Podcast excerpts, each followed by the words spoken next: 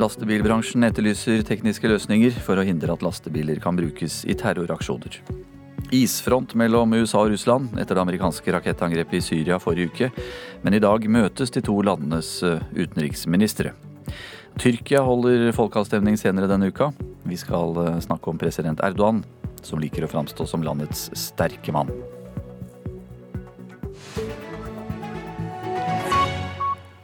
Dette er eh, Nyhetsmorgen i NRK P2 og NRK Alltid nyheter.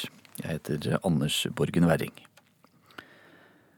Etter eh, terroren fredag etterlyser lastebilbransjen tekniske løsninger for å hindre at lastebiler kapres og brukes i terroraksjoner. Her hjemme er lastebileierne redd slike tiltak setter sjåføren i fare. Men det bør være umulig å stjele en lastebil og kjøre fra sjåføren, sier eh, Ulrik Longberg, bransjesjef i Sveriges åkeriforetak. Man ska inte kunna köra ifrån föraren, då borde bilen stänga av sig själv. Det tycker jag vore en bra teknik 2017 och framåt.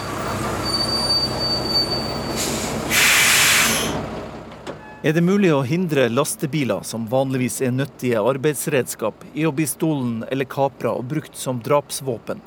Det har jo skjedd flere plasser, som i NIS, Berlin og i Stockholm. Svenskene diskuterer det i hvert fall, og lastebileierne der ser altså for seg nye tekniske løsninger i bilene, sier Ulrik Longberg til Sveriges Radio.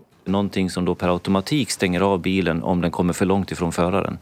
En dongel eller mer at du faktisk eh, bekrefter at du får kjøre denne bilen. At en, en ytterligere apparat som sier at nå er jeg behørig at jeg får kjøre den. Men sånne løsninger kan være farlige for sjåføren, mener direktør i Norges Lastebileierforbund, Geir Mo. Hvis man er avhengig av han eller hennes fingeravtrykk, eller avhengig av en, en, eh, en teknisk innretning som vedkommende har i beltet, eller man er avhengig av andre ting som sjåføren har på seg, ja vel, da blir selvfølgelig også sjåføren satt i fare. Den svenske infrastrukturministeren Anna Johansson har innkalt til møte om hva som kan gjøres for å hindre lastebilkapringer.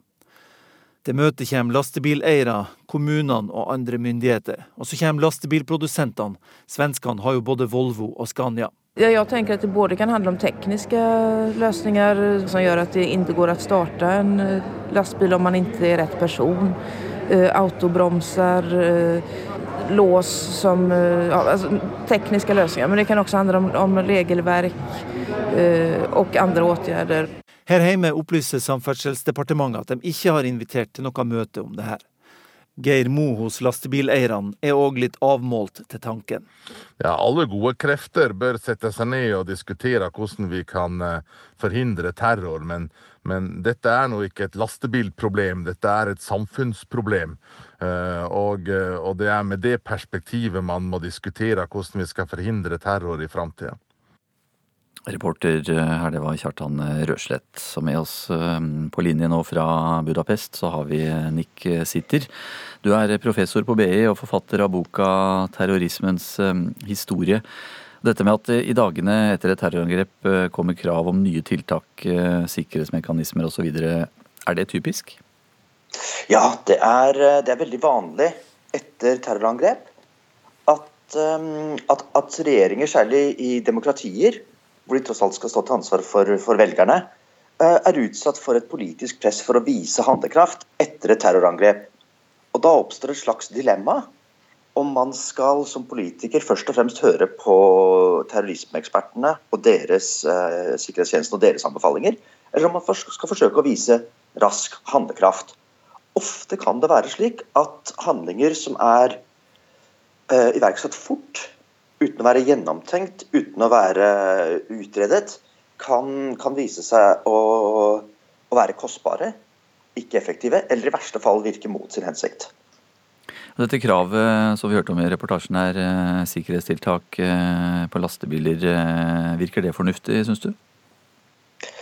ved første øyekast så virker det som et fornuftig krav.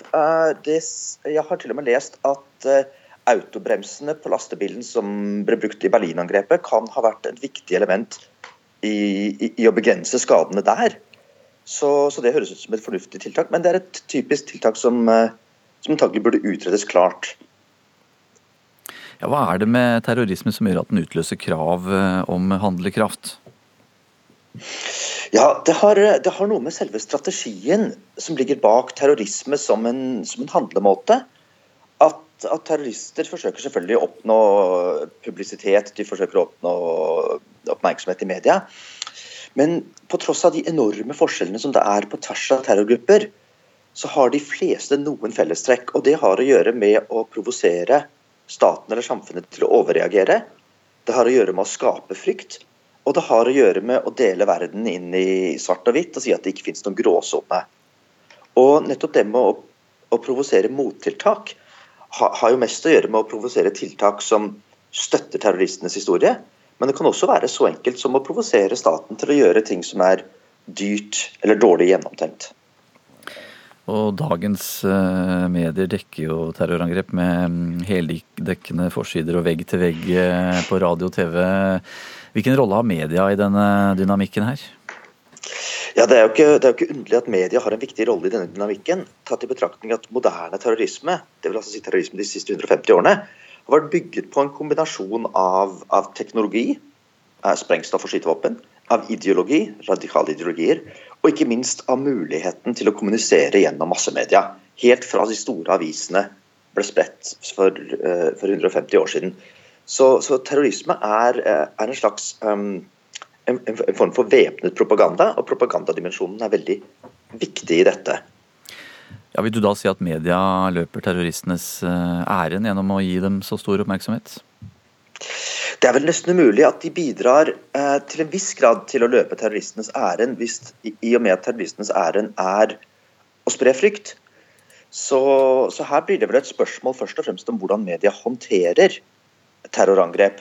Altså hvor mye man skriver om det, og ikke minst hvordan man skriver om det. Det vi kan si helt sikkert, er at det er visse ting media kanskje burde tenke på å unngå. Og det er um, å forsterke frykten. Å spre mer frykt.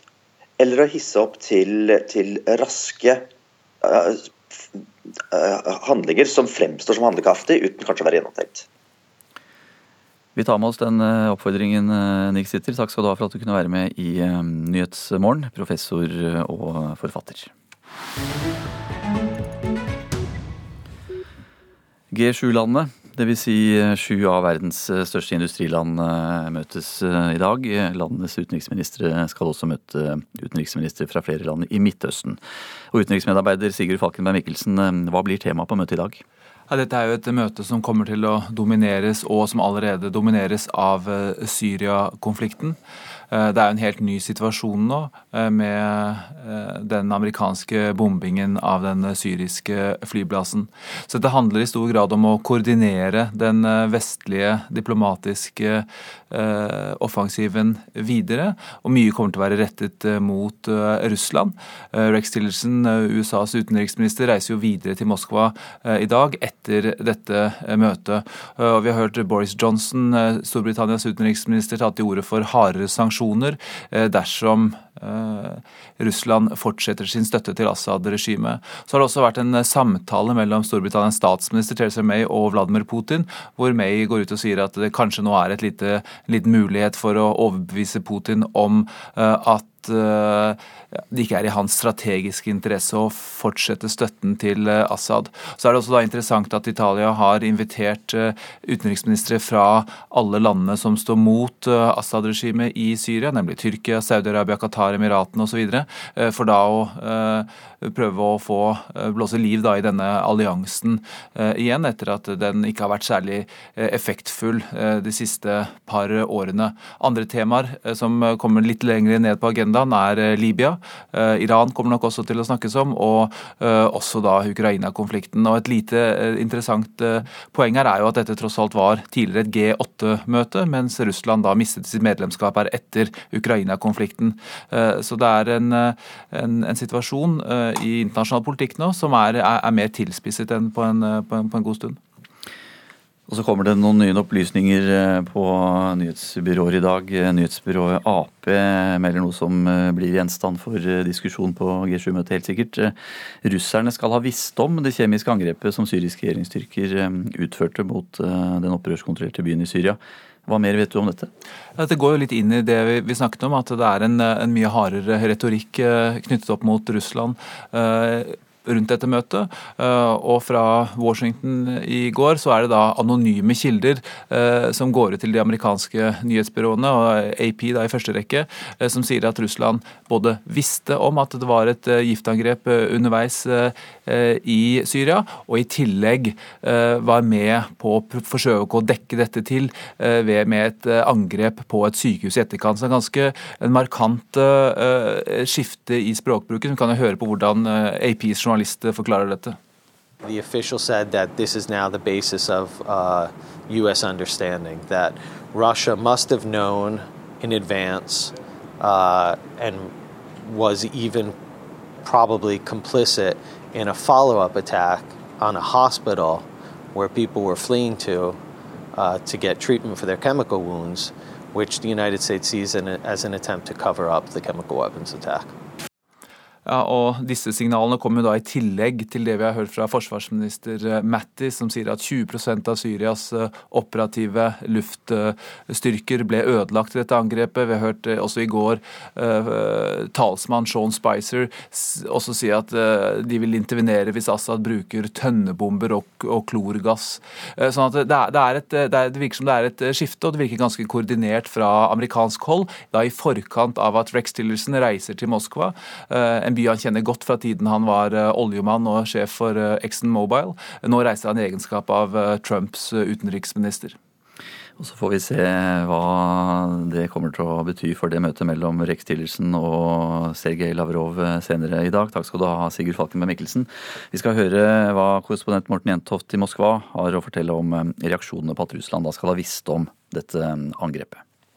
Nå sier man jo ikke at man visste om det kjemiske angrepet, men man sier at man har hatt en drone i det området hvor det ble gjennomført et, et flyangrep sånn at russerne skal ha visst om at det ble gjennomført et flyangrep, men ikke selvfølgelig at dette angrepet da eh, eventuelt inneholdt eh, kjemiske våpen. Nå har man tidligere fra russisk hold sagt at denne saken må undersøkes skikkelig internasjonalt før man trekker konklusjoner. Men det er klart at alt som er kommet fram rundt dette angrepet i Idlib provinsen. Det eh, har ikke akkurat eh, vært eh, den beste oppladningen til dagens toppmøte her i Moskva. Nei, det høres ikke ut til at forhåpningene til dette møtet er særlig store? Nei, men samtidig så kan det amerikanske angrepet også har skapt en ny dynamikk i det som skjer rundt Syria, mener i alle fall noen eksperter. Amerikanerne har nå vist at de er villige til å involvere seg i eh, konflikten. Eh, eh, russerne er også presset. Hvor langt vil de gå i støtten til regimet til Bashar al-Assad? Hva er det egentlig som har skjedd i forbindelse med dette angrepet, der det altså i alle fall har dukket opp kjemiske, kjemiske våpen som et resultat av dette angrepet? Det går rykter at Eh, om at også russerne her da eh, er, er, eh, sinte på Assad-regimet, eller de innenfor Assad-regimet som eventuelt brukte disse kjemiske våpnene. Sånn at Vi får se om det som har skjedd kan føre til noe positivt også. Amerikanerne har jo i alle fall vist at de er villige til å, til å bruke makt innad i Syria, og det er en utfordring selvfølgelig for russerne. Og nå skal altså Rex Tillerson eh, møte sin russiske kollega Sergej Lavrov. Tillerson eh, han har tidligere vært i Moskva og skal ha et godt forhold til eh, president Vladimir Putin. Blir det noe møte med Putin denne gangen? Foreløpig så ser det ikke ut til at det blir det, som du sa. Eh, Tillerson har møtt Putin flere ganger. Til og med har jo Putin gitt ham en, en orden, vennskapsorden i 2013 i forbindelse med at Rex Tillerson da var for ExxonMobil, Exxon Mobil, det store amerikanske oljeselskapet som har drevet eh, stor eh, forretningsvirksomhet her i Russland. Men sånn som det ser ut nå, så er det ikke tillyst et møte, men det her kan jo ting forandre seg underveis. Det er jo bl.a. den russiske presidenten Vladimir Putin en, en, en mester på. Og Tillerson og Lavrov kommer jo som du sier til å snakke mye om Syria, sannsynligvis. Er det andre temaer som kan være aktuelle å snakke om? Det er klart at uh, alt dette som har skjedd rundt uh, påstanden om uh, russisk innblanding i den amerikanske valgkampen, kan komme til å bli et tema. Og selvfølgelig også situasjonen i Ukraina. Den russiske støtten til separatistene øst i landet. Den freds prosessen som har kjørt seg helt fast. Eh, har amerikanerne noe nytt å komme med her? Det var jo mange som hadde store forhåpninger om det. Så får vi se om det blir tid til å snakke om det når nå Syria er blitt den desidert viktigste saken. Ja, Det sa vår korrespondent i Moskva, Morten Jentoft. Senere denne uka skal eh, Tyrkia holde folkeavstemning om eh, de omstridte grunnlovsendringene. Disse endringene vil gi president eh, Recep Tajip Erdogan mer makt. Erdogan, den russiske presidenten Vladimir Putin og USAs president Donald Trump liker å framstå som sterke og hardtslående. Flere kommentatorer kaller også året vi er inne i for the year of the strong man. Raino Malnes, du er professor i statsvitenskap ved Universitetet i Oslo. Hvordan eh, vil du beskrive disse tre? Ganske forskjellige politikere. Altså Putin er en klassisk eh, maktpolitiker. Han, har, han, er skremmende i sine maktpolitiske ambisjoner. Eh, betryggende i sin rasjonalitet, vil jeg nok si. Han er en kalkulerende politiker. Trump er uh, ingen klassisk uh, maktpolitiker. Han er i og for seg betryggende i mangelen på ambisjoner, i hvert fall ambisjoner som er slik at han har klart ser for seg hvordan han skulle sette dem ut i livet, men han er han er skremmende i sin mangel på rasjonalitet. Jeg vil si at Hvis noen av dem skulle passe i beskrivelsen som en sterk mann, så må det åpenbart være Putin. Erdogan er en politiker som vil det Erdogan vil gjøre med det tyrkiske politiske systemet, er i og for seg ikke så uh, oppsiktsvekkende. Han vil styrke presidentmakten, altså han vil styrke den utøvende makten. Uh, det finnes eh, stater med solide demokratier som har sterke presidenter, USA, Frankrike. Men problemet er at den politiske kulturen i Tyrkia er jo ikke av en sånn art at vi ser på dette her som like uproblematisk som f.eks. i tilfellet Frankrike. Det er også deler av det forslaget som Erdogan nå legger fram som er bekymringsfullt, f.eks. dette med presidentens økte kontroll over domsmakten. Altså utnevnelse av dommere og statsadvokater.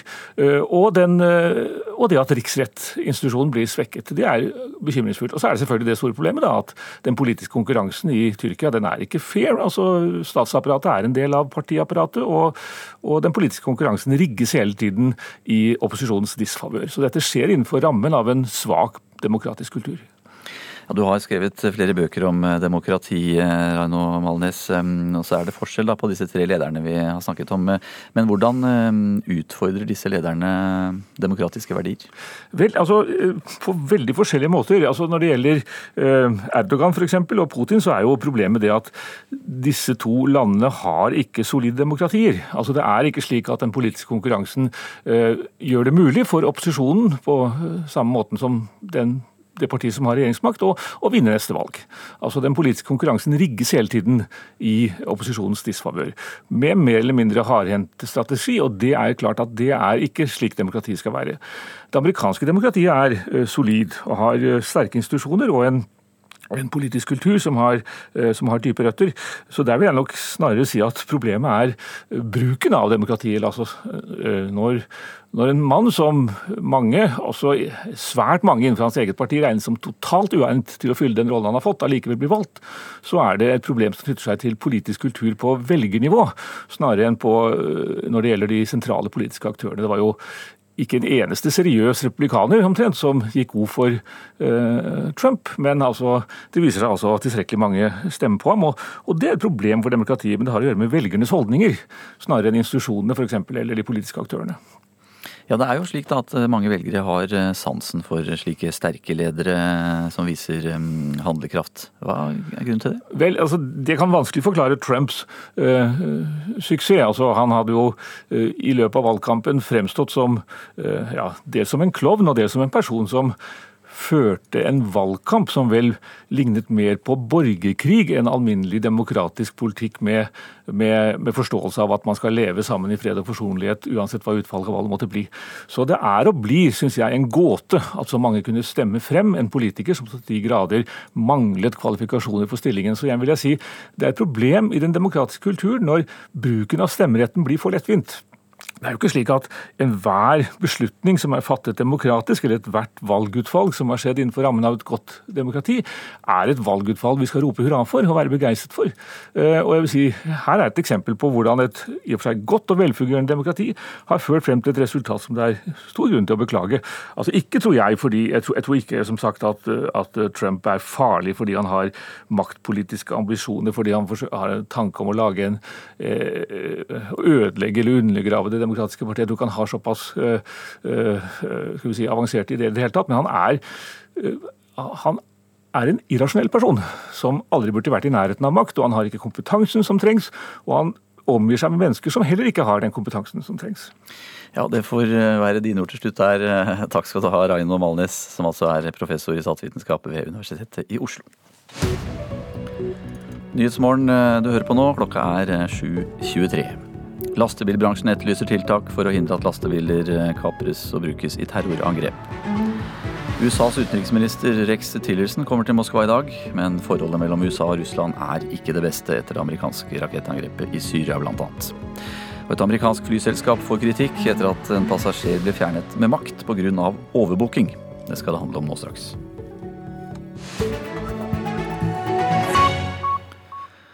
Ja, Flyselskapet United er altså i hardt vær etter at en passasjer ble fjernet med makt fra et fly i eh, Chicago. Flyselskapet hadde overbooket avgangen, og etter loddtrekning måtte fire passasjerer forlate flyet. Men en av de fire nektet å reise seg.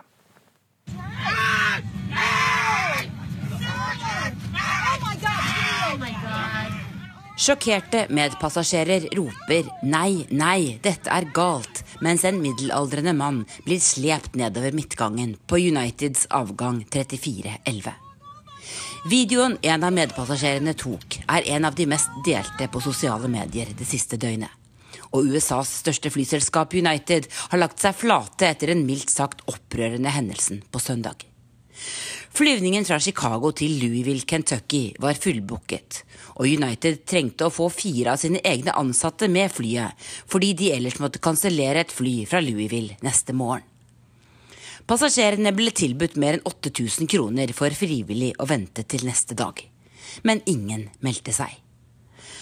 Da alle passasjerene var kommet om bord i flyet, opplyste kabinbesetningen at de ville bruke en algoritme til å velge fire tilfeldige passasjerer som måtte forlate det. De to første gikk motvillig, men frivillig ut.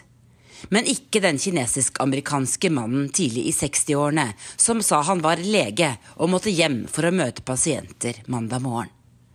Da mannen ikke frivillig forlot, kom tre sikkerhetsfolk fra flyplassen om bord for å forsøke å overtale ham.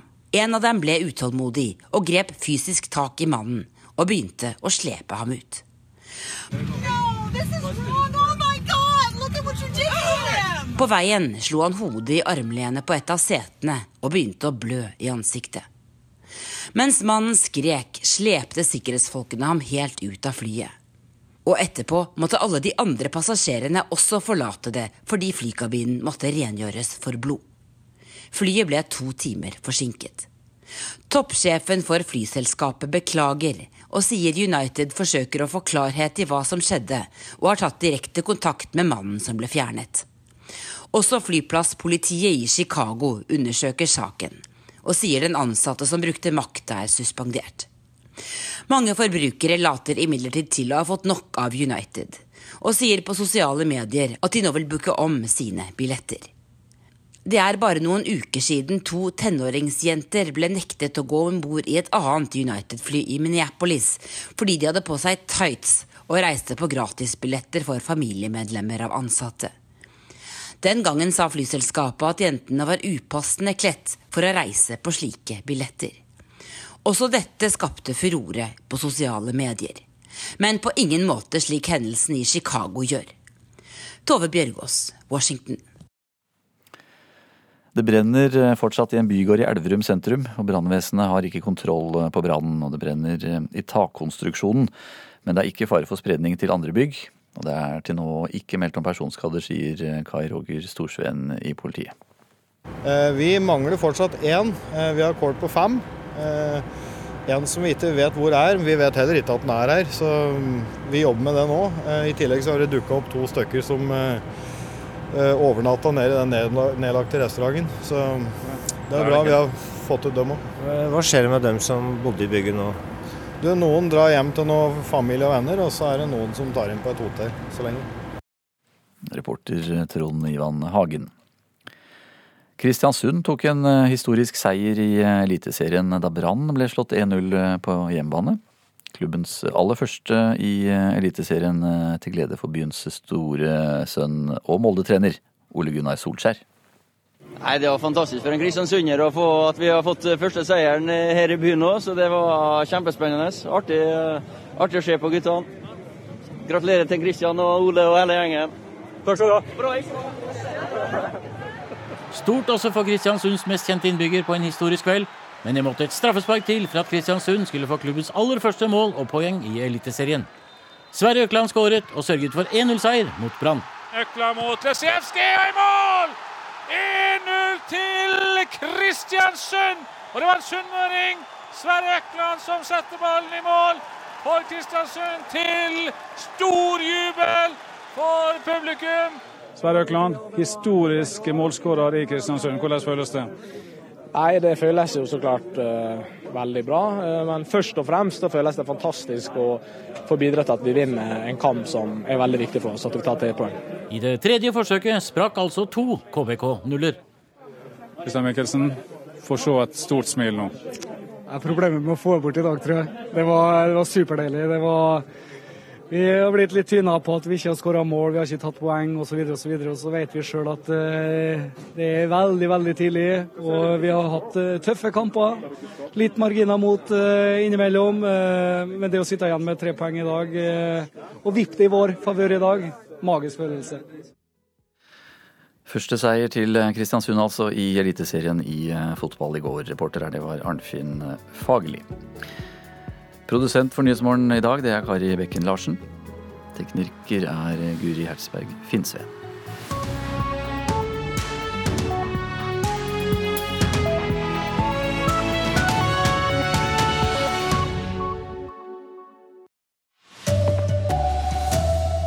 Svenske myndigheter vil diskutere tiltak for å forsøke å hindre kapring av lastebiler. En person er pågrepet etter funn av mistenkelig gjenstand i Porsgrunn. Politiets bombegruppe er tilkalt. Og flyselskapet United får kraftig kritikk etter at en passasjer ble skadd da han ble kastet av et fly i Chicago. God morgen, her er NRK Dagsnytt klokka 7.30. Ja, I Sverige etterlyser lastebilbransjen nå tekniske løsninger som kan hindre at lastebiler kapres og brukes i terroraksjoner. Her hjemme er lastebileierne redd slike tiltak skal sette sjåføren i fare. Det bør ikke være mulig å stjele en lastebil og kjøre fra sjåføren, sier Ulrik Longberg, som er bransjesjef i Sveriges åkeriforetak. Man skal ikke kunne kjøre ifrån føreren, da burde bilen stenge av seg selv. Det syns jeg vore en bra teknikk 2017 og framover. Er det mulig å hindre lastebiler, som vanligvis er nyttige arbeidsredskap, i å bli stolen eller kapra og brukt som drapsvåpen? Det har jo skjedd flere plasser, som i Nis, Berlin og i Stockholm. Svenskene diskuterer det i hvert fall, og lastebileierne der ser altså for seg nye tekniske løsninger i bilene, sier Ulrik Longberg til Sveriges Radio. Noe som da per automatikk stenger av bilen om den kommer for langt ifra føreren. En dongel eller mer at du faktisk eh, bekrefter at du får kjøre denne bilen.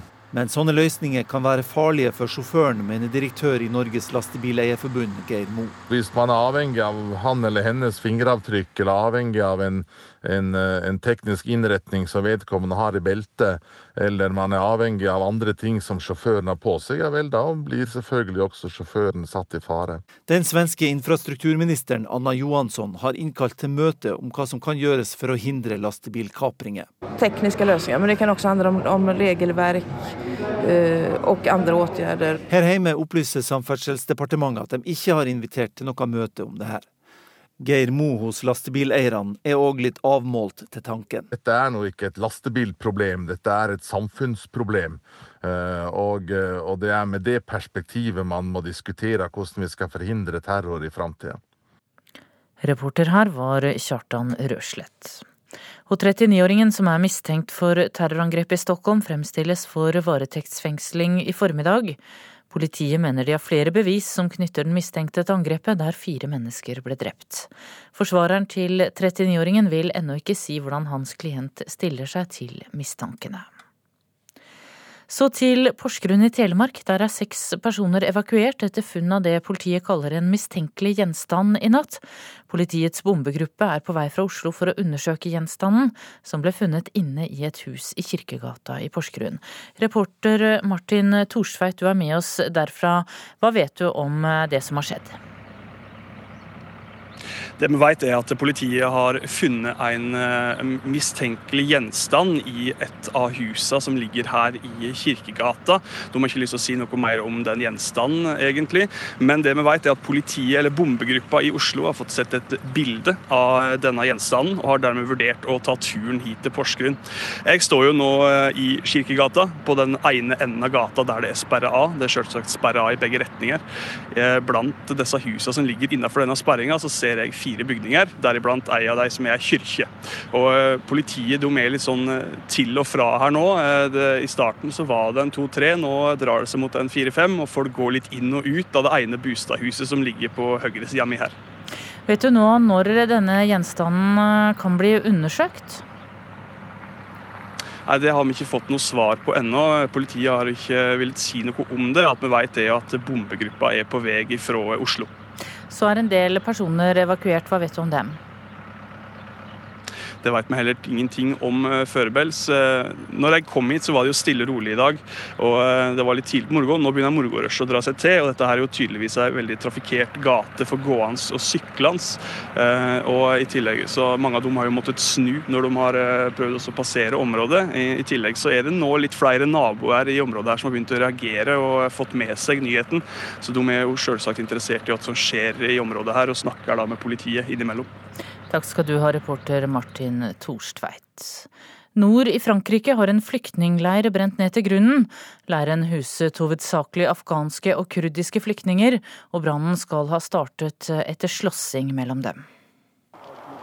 Brannen kunne sees fra flere kilometer unna. Flyktningleiren ligger rett i nærheten av Dunkerque og huset flyktninger som prøver å komme seg over Den engelske kanalen. Den ble satt opp av Leger uten grenser i fjor vinter. Nå har de rundt 15 000 innbyggerne ikke lenger noe sted å bo.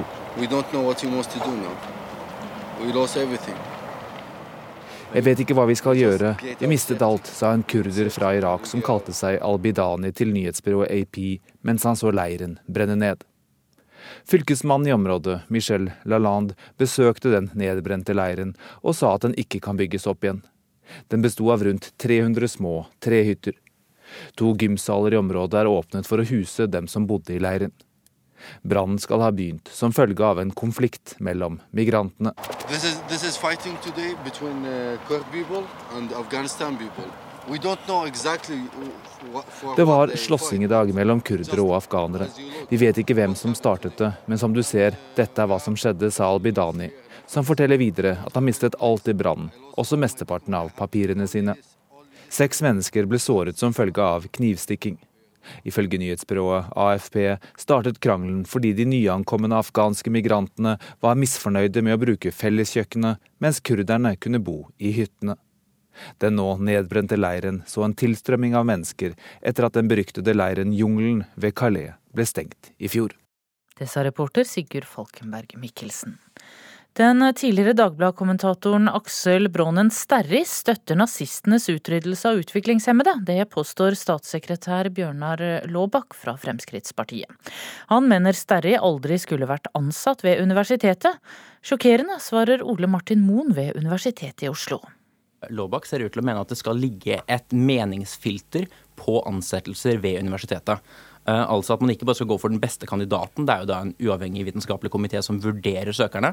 Ole Martin Moen er prosjektleder ved Humanistisk fakultet ved Universitetet i Oslo, som nylig ansatte Aksel Brånen Sterri. Og Moen er altså sjokkert over et blogginnlegg statssekretær Bjørnar Laabak skrev søndag. Én ting er å legge seg opp i hvem universitetet skal ansette.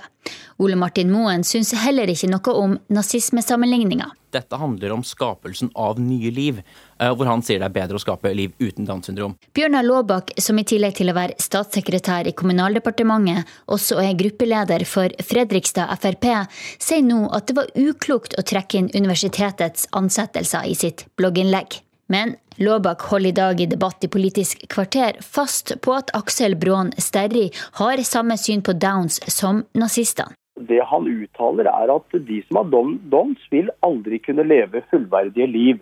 Filosofistipendiat Aksel Brån Sterri syns det er ubehagelig å bli sammenligna med nazistene. Det jeg har tatt til orde for, er jo å tillate at kvinner skal få lov til å ta abort. Når du får vite at eh, fosteret kan komme til å ha Downs syndrom f.eks.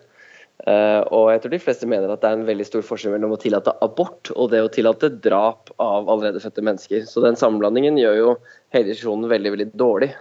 Reporter Linda Reinholdsen. I USA er flyselskapet United i hardt vær. En passasjer ble bedt om å forlate et fly, men nektet.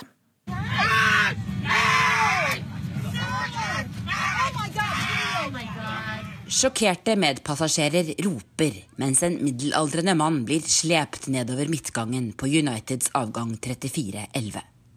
Mobilvideoen er en av de mest delte på sosiale medier det siste døgnet. Og USAs største flyselskap United har lagt seg flate.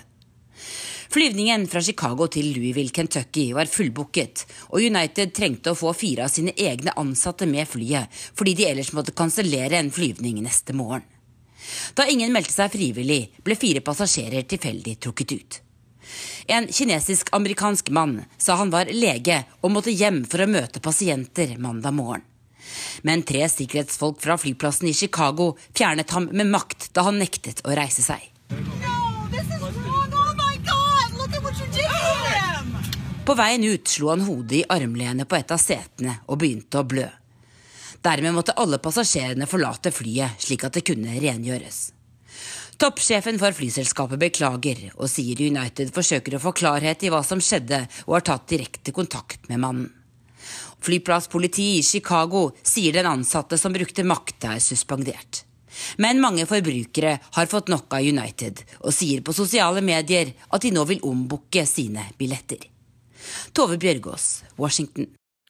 Ansvarlig for Dagsnytt i dag, Jean Erik Bjørnskaug. I studio, Tone Nordahl.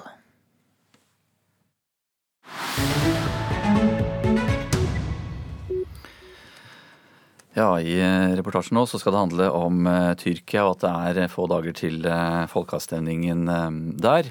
Vår korrespondent Sissel Wold har besøkt de som er motstandere av kampanjen til president Tajip Erdogan, som ønsker å um, endre på en hel rekke ting.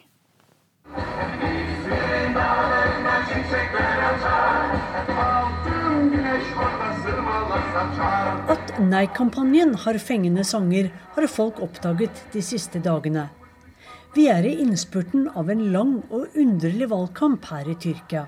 For mens ja-siden, ledet av presidenten og statsministeren, kan holde enorme massemøter og kontrollerer mediene, må nei-siden finne seg i å nesten ikke komme til orde. Over hele landet har ja-bussene rullet rundt med høyttalere på fullt volum. Men nå har faktisk en nei-buss tatt oppstilling her i Besjiktas, ikke langt unna Vodafone fotballstadion i Istanbul. Bussen er gammel og sliten, men stemningen inni er god. Haier, haier, haier. Haier, altså nei-aktivistene, fordeler løpesedler og klistremerker. It is very important for the people, uh, but the other company, Evet company, mens ja-kampanjen bare vil ha én mann på toppen, vil vi ha et sterkt parlament og et levende demokrati, forklarer Hassan Celik, en av de frivillige, til NRK. Uh, vi bruker mye tid på å forklare folk hvordan styresettet vårt vil endre seg totalt om ja-kampanjen vinner. Men på ja-siden snakker de bare om hvor viktig personen Erdogan er.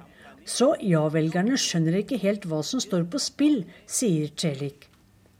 Han mener at ja-velgerne har lavere utdannelse, og at de derfor ikke stiller de rette og kritiske spørsmålene. Uh, Søndag sto den røde Nei-bussen alene på det travle gatehjørnet. Men i går fikk bussen selskap av to ja-busser begge av langt nyere dato med store videoskjermer på taket. Flere frivillige i Nei-kampanjen har rapportert om trakassering og angrep. Uh, no Her har vi ikke hatt problemer, sier han. Vi bruker høyttalerne våre i 30 minutter, og så er det deres tur, forklarer Celik. Mens vi snakker, er det ja-siden som styrer høyttalerne. En av hyllestene til president Erdogan dundrer utover området.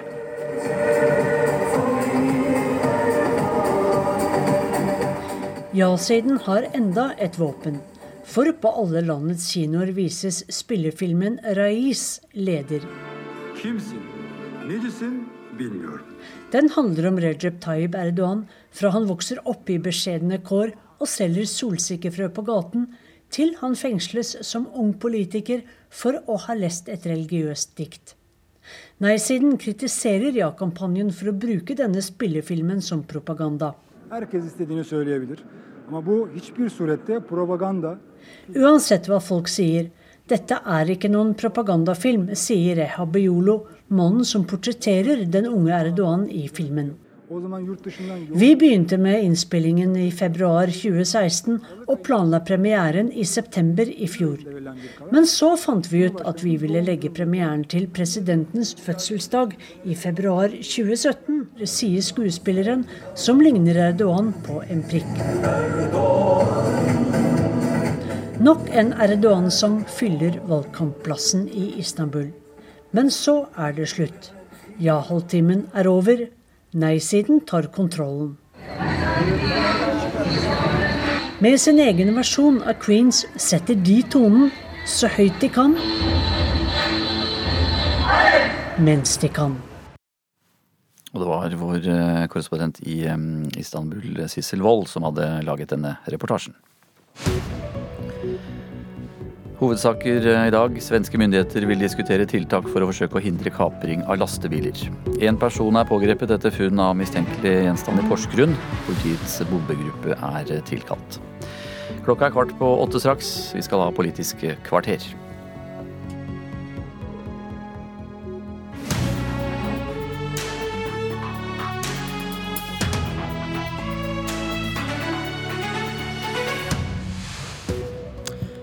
Nazistene rakk å utrydde 70 000 utviklingshemmede fordi de ikke hadde fullverdige liv, skriver statssekretær Bjørnar Laabak fra Frp på sin blogg.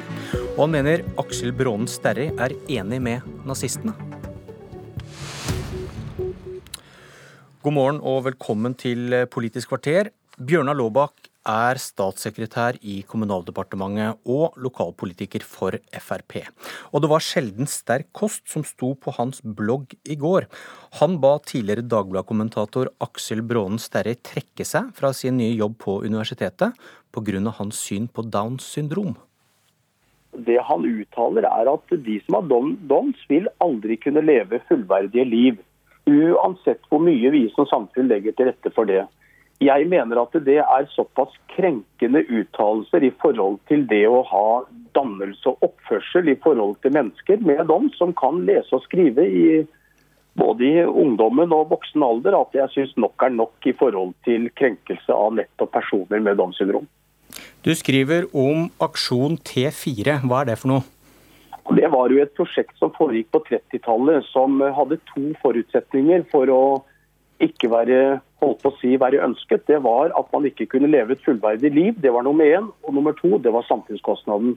Derfor sammenligner jeg i forhold til det. For jeg mener at uh, grunntanken er den samme. Og i tillegg til at jeg mener at det er mangel på dannelse og oppførsel i 2017. Ja, T4 det var vel nazistenes utryddelsesprogram av svake mennesker? Ja, og i særdeleshet personer med utviklingshemming. Derav Downs syndrom, hvor man rakk i løpet av de årene man holdt på. og og på en måte avlive over 70 000 mennesker. Og det jeg syns nok er nok. Du skriver at Brånen Sterri er T4-sympatisør. Det er jo et uttrykk for å Hvis jeg ikke hadde skrevet det som overskrift, så vet jo dere i mediene også at eh, så hadde kanskje en brøkdel lest det, og så hadde det ikke blitt lagt merke til. Det skriver jeg for å invitere til å lese bloggen min. Men la meg sitere her. Sitat. Universitetet i Oslo tilbyr stipendiat til en T4-sympatisør. Det er vel løgn? Sånn I utgangspunktet kan man godt si at det er en uklok formulering. Er det ikke en den har, løgn? nå, den har jeg nå endret, og så uh, står bloggen min sånn som den er i dag, med kritikk til Sterris uttalelse i forhold til det å ikke kunne leve et fullverdig liv. Men du, du gjentar her at det Sterri mener om sorteringssamfunnet og Downs syndrom, det er å sammenligne med nazistenes syn på å utrydde svake mennesker. Jeg mener at det er et uh, syn som jeg mener at vi ikke skulle ha i 2017. Dersom Downs syndrom, de som har Downs, vil aldri kunne leve fullverdige liv, uansett hvor mye vi som samfunn legger til rette for det. Det er ganske sterkt ifra en person som har en sterk penn, og som høres og som leses. Det er, det er mitt anliggende. Men vil du, benytte, vil du benytte anledningen her til å trekke påstanden om at han støtter nazistenes utryddelser? Ja, det er, jo, det er jo egentlig bare en overskrift. Det, En overskrift er like fullt en løgn? Det var kanskje en uklok formulering. Men, han, men, men for å si det sånn, det, jeg, kan jo ikke, jeg, jeg, må jo stå for at han sier at de som har doms Og hør hva, hør hva jeg leser ifra det som eh, Sterri uttaler. Vil aldri kunne leve fullverdige liv, uansett hvor mye vi som samfunn legger til rette for det. Det er en særdeles krenkende og sterk uttalelse fra en person som har en sterk penn. Men når Sterri argumenterer for en lovfestet rett til abort og endre denne loven, så er vel ikke det det samme som å støtte likvideringer av svake? Dette, nei, dette, ikke, ikke kom med abortspørsmålet nå. Dette handler ikke om det. Dette handler om krenkelse av voksne mennesker som kan lese, som har Downs syndrom. Dette handler ikke dette er ikke en abortdebatt. Det er vel det? Han argumenterer for sorteringssamfunnet? Dette er ikke en debatt om uh, sortering. Dette er en debatt om krenkelse av voksne mennesker som lever i 2017. Og jeg mener Sterri han mangler dannelse og oppførsel i forhold til mennesker som faktisk har nok med å kunne klare en god hverdag. Og mange lever et fullverdig, godt, interessant, flott liv. Og det burde Sterri ha respekt for. Ole Martin Moen, prosjektleder ved Institutt for filosofi, idé og kunsthistorie og klassiske språk på Universitetet i Oslo, som har ansatt Sterri. Hvorfor reagerer du på dette kravet om at han skal trekke seg fra ja, altså, Jeg vil gjerne først si noe om denne nazipåstanden. Eh, nå hører jeg at eh, Laabak går litt tilbake på den, selv om han ikke endret i bloggen. Eh, og det er absolutt på sin plass. Aksel Brannen Sterri har vært veldig tydelig på at folk med Downs syndrom har alle de samme rettigheter, krav på omsorg, krav på respekt som andre. Dette handler om skapelsen av nye liv. Idet vi skaper nye liv, er det bedre å skape liv uten Downs enn med Downs syndrom. Hvor han sier det er bedre å skape liv uten Downs syndrom. Og Det er et standpunkt som Laabak kan være enig eller uenig i. Det jeg jo bet meg merke, og som jeg ble sjokkert av da jeg leste denne bloggposten, var altså at uh, Laabak ser ut til å mene at det skal ligge et meningsfilter på ansettelser ved universitetet. Uh, altså at man ikke bare skal gå for den beste kandidaten, det er jo da en uavhengig vitenskapelig komité som vurderer søkerne, og at han da hevder at man i tillegg skal ha dette filteret på at man ikke skal ha visse meninger. Det viser en total mangel på forståelse for, og ikke minst respekt for, akademisk frihet og viktigheten av å ha et akademia hvor folk tør si hva de mener, uten å være redd for at det skal finnes noen diskriminering på grunnlag av meninger. Men er det, er det spesielt at det kommer fra Laabak?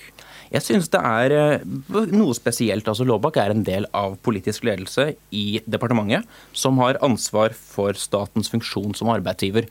Og eh, Laabak har makt, både direkte makt og indirekte makt. Og da å si at si, Norges største universitet da, ikke burde ha tatt en slik eh, ansettelse. At de burde ha sett bort, at de burde ha lagt til, til grunn hva Aksel Bronnen Sterri mener, ikke bare kvalifikasjonene hans. Det sender jo et signal, da. Så er spørsmålet er det noen som nå tenker at de kanskje bør ligge litt unna Sterri?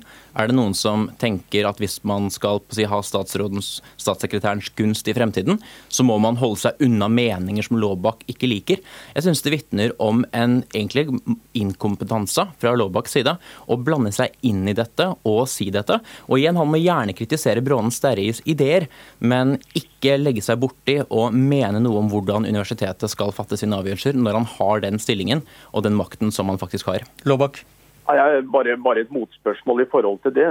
Mener, mener mener Ole Martin Moen f.eks. at dette er en, en, god fremstilling. Det å si at personer, altså én gruppe mennesker i Norge, aldri vil kunne leve fullverdige liv, uansett hvor mye samfunnet legger til rette for det. Er det, er det, en, er det en, grei, er det en grei meningsytring i seg selv i 2017? Jeg tenker at Det drar oppmerksomheten litt vekk fra det som faktisk er det viktige poenget her, som er din bruk av makt som statssekretær. Men vi kan godt også snakke om selve temaet, da Downs syndrom. Og da valgte altså Brane Sterri å si dette med at de ikke kan ha fullverdige liv. Og Man kan selvfølgelig tolke det vrangt i retning av å si at de ikke har krav på respekt, ikke har krav på beskyttelse. Men det han nok vil si, er at det finnes en del goder som vi tenker på som menneskelige goder, som man med Downs syndrom i mindre grad vil kunne oppnå hvis en, hvis man ikke har Downs syndrom, som gjør at det ville være bedre ikke å ha det enn å ha det. Og Det tenker jeg, det kan man være enig eller uenig i, og da kan man argumentere. Du argumenterer ikke. Du gjør to ting. Du sverter med denne nazismeparallellen som du fremdeles ikke har tatt bort fra bloggen din, og du sier altså at universitetet burde ha diskriminert mot Brånen Sterri pga. dette. Og det er en helt uakseptabel respons fra deg som statssekretær. Han var jo utgangspunktet mitt. Det er jo, det er jo sånn, akkurat som Sterri, han har vel ikke uttalt seg som ansatt ved universitetet når han har snakket om ja. at Downs syndrom ikke har et, uh, har et, fullverdig liv. Det er en stor forskjell på akademikere og politikere. Akademikere ja, jeg, uttaler seg ikke på vegne av institusjonen sin, man uttaler seg fritt. Dette er en del av akademisk frihet som du ikke ser ut til virkelig å forstå. Og det er en jo, forskjell på det og makten som du har som statssekretær. Jeg forstår, jeg forstår, at man har full rett til å mene at eh, personer med Downs syndrom ikke kan leve et fullverdig liv. Det forstår jeg. Det forstår jeg altfor godt, at noen kan faktisk mene det. Hvis man gjør det som ansatt på universitetet, så må man gjerne gjøre det. Men du, du, det, vi, det, vi, sitter og lurer på, tror jeg da, er snakker vi med statssekretæren nå? Og det, og det var mitt poeng. Hvis, hvis en som eh, er ansatt eh, fra 1.4 ved universitetet, kan få lov til å si at de som har downs aldri vil kunne leve fullverdige liv, uansett hvor mye samfunnet egentlig betaler for den kostnaden det er for å tilrettelegge for det, som ansatt ved universitetet, så er det sånn at jeg tror ikke han gjør det på vegne av universitetet. Like lite som jeg har uttalt meg i denne saken på vegne av noe departement. Dette er et personlig engasjement i forhold til de mange med Downs syndrom som jeg har rundt meg, og som jeg kjenner veldig godt og som reagerer på samfunnsdebatten og føler seg krenket. Når du har blitt statssekretær, kan du bytte hatter på den måten der? Jo, men jeg fortsatt, fortsatt, så mener jeg at det er krenkende at noen forteller at noen ikke kan leve et fullverdig liv. Det, det har ikke noe med min statssekretærstilling å gjøre. Og det, Departementet bør ikke stå bak min, mitt anliggende i forhold til å stå opp for personer med Downs syndrom. Dette er verken politikk, dette er verken noe med departementet, dette er rett og slett dannelse og oppførsel fra voksne mennesker som har sterke penner til å krenke personer som ikke har et forsvar. Det er mitt anliggende, verken mer eller mindre. Ja, jeg synes jo Din oppførsel her er veldig mye verre enn Aksel Brånen Sterris. Han har fremmet et standpunkt, og du kan være uenig med det. Du kan mene dette er uverdig eller galt, og da kan du kritisere det. Det har du ikke gjort. Men jeg tenker det er interessant, eller? Du kommer jo fra, fra Frp. Dere, dere, har kritisert i mange år at NRK, eventuelt universitetet, har en slags ideologisk slagside mot venstresiden. At Arbeiderpartiet har styrt eh, NRK, har dere tenkt. Og så virker det som du, når du da har maktposisjonen, da, så ønsker du også et slags politisk filter på hvem som skal komme inn i disse rollene da her i akademia. Og Da tror jeg ikke du skjønner viktigheten av at akademikere vet at de kan si hva de mener, og kan publisere det de mener er riktig, uten å trenge å tenke på hva politikere måtte mene om dette.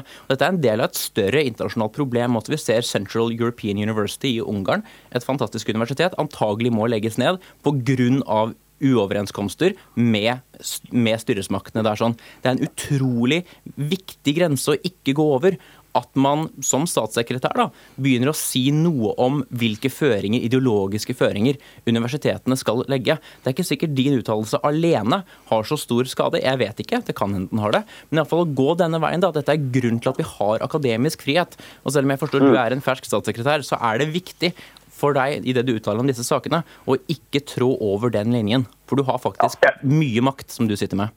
Ja, jeg støtter fullt ut det du sier i forhold til at vi skal ha frihet til å si og mene akkurat det vi sier og mener, og de holdningene og de refleksjonene vi gjør.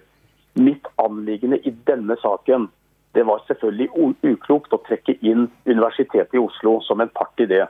Men la meg bare presisere igjen. Det som er mitt anliggende, det har ikke noe med politikk å gjøre, men det har med dannelse og oppførsel å gjøre i forhold til å krenke mennesker som har Downs syndrom. Moen, eh, kunne dere ansatt en nazist? Eh, hvis det var en nazist som faktisk viste seg å være faglig veldig sterk, som viste seg å kunne dette og faktisk var den faglig sterkeste kandidaten, da, noe jeg tror en nazist ikke ville vært, eh, så tenker jeg at da, da må man det, det, vil kunne være mulig. Ja, Skal vi tro da på at dere faktisk da hadde valgt en nazist eller en IS-sympatisør ja. foran noen andre hvis de var de best faglig kvalifiserte ja, kandidatene? Jeg, jeg, tror du, du spør om en, en, en slags tenkt scenario som ikke er så veldig realistisk. Da. Ja, men det er det, det, er det, du sier. Det, det, er det du sier. Det, skal ikke være på det faglige, ikke noe. Men, men hvis du har visse Nei, det bør det ikke være. Men hvis man, man har standpunkter som er særdeles ureflekterte, så er det klart det vil jo også skinne gjennom i ens faglige styrke, i hvordan man vil bli vurdert som en faglig kandidat. Men hvis man kunne vise seg ja, at man er faktisk en solid fagperson, man, man kjenner litteraturen særdeles godt, man kan argumentere, så skal vi ikke legge noe filter på hva som skal kunne være konklusjonen til vedkommende. I politikken skal man gjøre det. Det er en del av det politikken skal gjøre. Det er ikke en del av det forskningen og akademia skal gjøre. Låbak, tror du sjefen din, kommunalminister Jan Tore Sanner, kommer til å gi deg tommel opp for det du har skrevet på bloggen? Jeg tenker at uh, hvis, man, hvis, man, vil knytte det opp mot uh, kritikk av universitetet og, og uh, politikken, så tar jeg gjerne kritikk i forhold til en blogg som jeg skriver. Det må jeg stå for. Det var ikke intensjonen at dette skulle knyttes opp mot politikk overhodet, men rett og slett en uttalelse i forhold til dannelse og oppførsel i forhold til veldig mange mennesker som kan lese og skrive, og som har Downs syndrom, og som på en måte blir karakterisert som at ikke de kan ha et fullverdig liv. Det er jeg helt uenig i.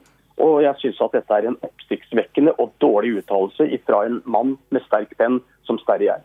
Ja, og Da må du gjerne skrive en kritikk av Sterris meninger, uh, og gjøre rede for hvorfor du mener det du mener. Så jeg er sikker på at det vil komme et svært godt og grundig svar ja, tilbake fra Sterri. Og, og, det jeg har gjort ved at jeg har endret på bloggen min, og den står nå uten knytning til Universitetet i Oslo. Men nazismepåstandene, de, de står?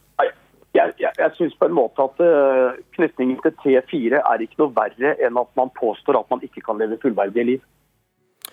Og Det sa Bjørnar Laabak fra Frp, statssekretær i Kommunaldepartementet. Og Ole Martin Moen fra Universitetet i Oslo. Dette var Politisk kvarter. Jeg heter Bjørn Myklebust.